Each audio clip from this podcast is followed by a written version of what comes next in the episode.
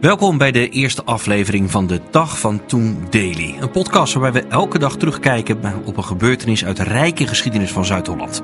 Vijf dagen in de week word je in een paar minuten bijgepraat over iets in het verleden op die dag. Op 13 maart 1941 worden op de Waalsdorpervlakte 15 leden van de verzetsgroep De Geuzen gefusilleerd. De groep met een oorsprong in Vlaardingen stond bekend als de eerste grote verzetsgroep van Nederland. Op 13 maart 2000 besluit Bram Peper zijn functie als minister van Binnenlandse Zaken neer te leggen om zich volledig te kunnen richten op de strijd tegen de geruchten rondom de bonnetjesaffaire. En op 13 maart 2014 wordt in Rotterdam het nieuwe Centraal Station geopend door koning Willem-Alexander. Maar daar gaat het niet over vandaag. Wij gaan terug naar 1993, 30 jaar geleden. Het kwam op 13 maart 1993 als een schok in Rotterdam. Bisschop Beer vertrekt. Vrij plotseling, maar tegelijkertijd ook weer niet. Hij had zich er eerder al ziek gemeld. De bisschop was vrij populair in Rotterdam. Hij stond bekend als liberaal en werd in Rotterdam redelijk op handen gedragen. Het onverwachte vertrek van de populaire bisschop heeft grote beroering veroorzaakt in zijn parochie. Zijn menselijke aanpak en inzet voor de kerk worden alom geprezen. Over het algemeen moet ik zeggen dat de mensen verslagen waren, heel erg onder de indruk van zijn vertrek. Hij was zeer bemind bij praktisch alle parochianen.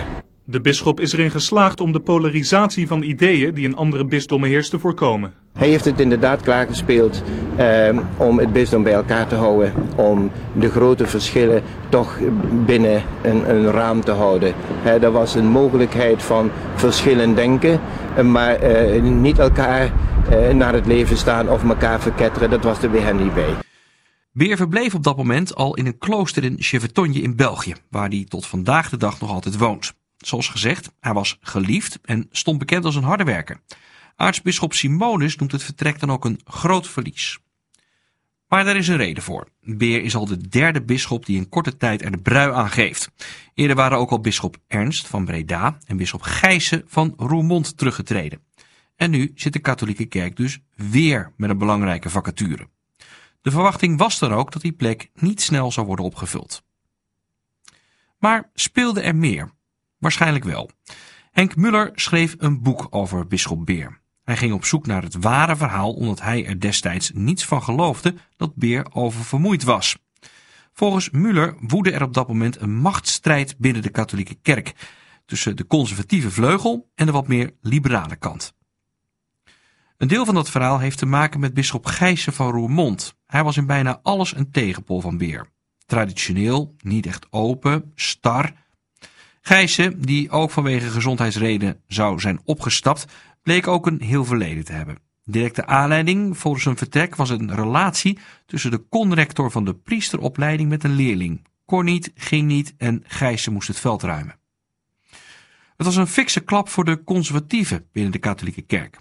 Gijssen was namelijk dé kandidaat om op termijn aartsbisschop Simonus op te volgen. En nu Gijssen was vertrokken, lag de weg open voor Beer om die plek in te nemen. Achter de schermen gebeurde heel veel, schrijft Muller in zijn boek. Er was een dossier over Beer, maar wat daar nou precies in staat is nog altijd niet duidelijk. Er zou mogelijk sprake zijn van homoseksuele relaties tijdens een periode dat hij ook bisschop was voor mensen in het leger en er zouden foto's zijn. Toen er werd gedreigd met het publiceren van die foto's, trok Beer zich terug. Bewijzen voor de verhalen van Muller zijn er nooit gekomen en Beer weigerde zelf ook iets over te zeggen. Radio Rijnmond sprak in de jaren na zijn vertrek nog een paar keer met Beer, maar elke keer liet hij niets los. Deze zomer wordt Beer 95 jaar. Af en toe komt hij nog in de publiciteit, zo was hij in 2018 nog in Rotterdam voor de uitvaart van oud-premier Lubbers. Meer over het vertrek van Beer op www.dagvantoen.nl tot zover de eerste aflevering van de Dag van Toen Daily. Op dagvantoen.nl ook een terugblik op het proces tegen de Geuzenverzetsgroep uit Vlaardingen en beelden van een opmerkelijke tocht van een Nederlandse onderzeeboot vanuit Rotterdam naar het Poolgebied. De reis met het schip heeft ten doel het materieel en het uithoudingsvermogen van de bemanning in koude streken op de proef te stellen. Nu zal die bemanning het ook weer niet zo koud hebben, want voor elk lid is er een speciale uitrusting. Met bondgevoerde overjassen, dikke truien, ijsmutsen enzovoort. Allemaal uitstekend geschikt om een temperatuur van 20 à 25 graden onder nul echt lekker te vinden. Morgen weer een dag van Toen Daily over een nieuwe dag. Tot dan.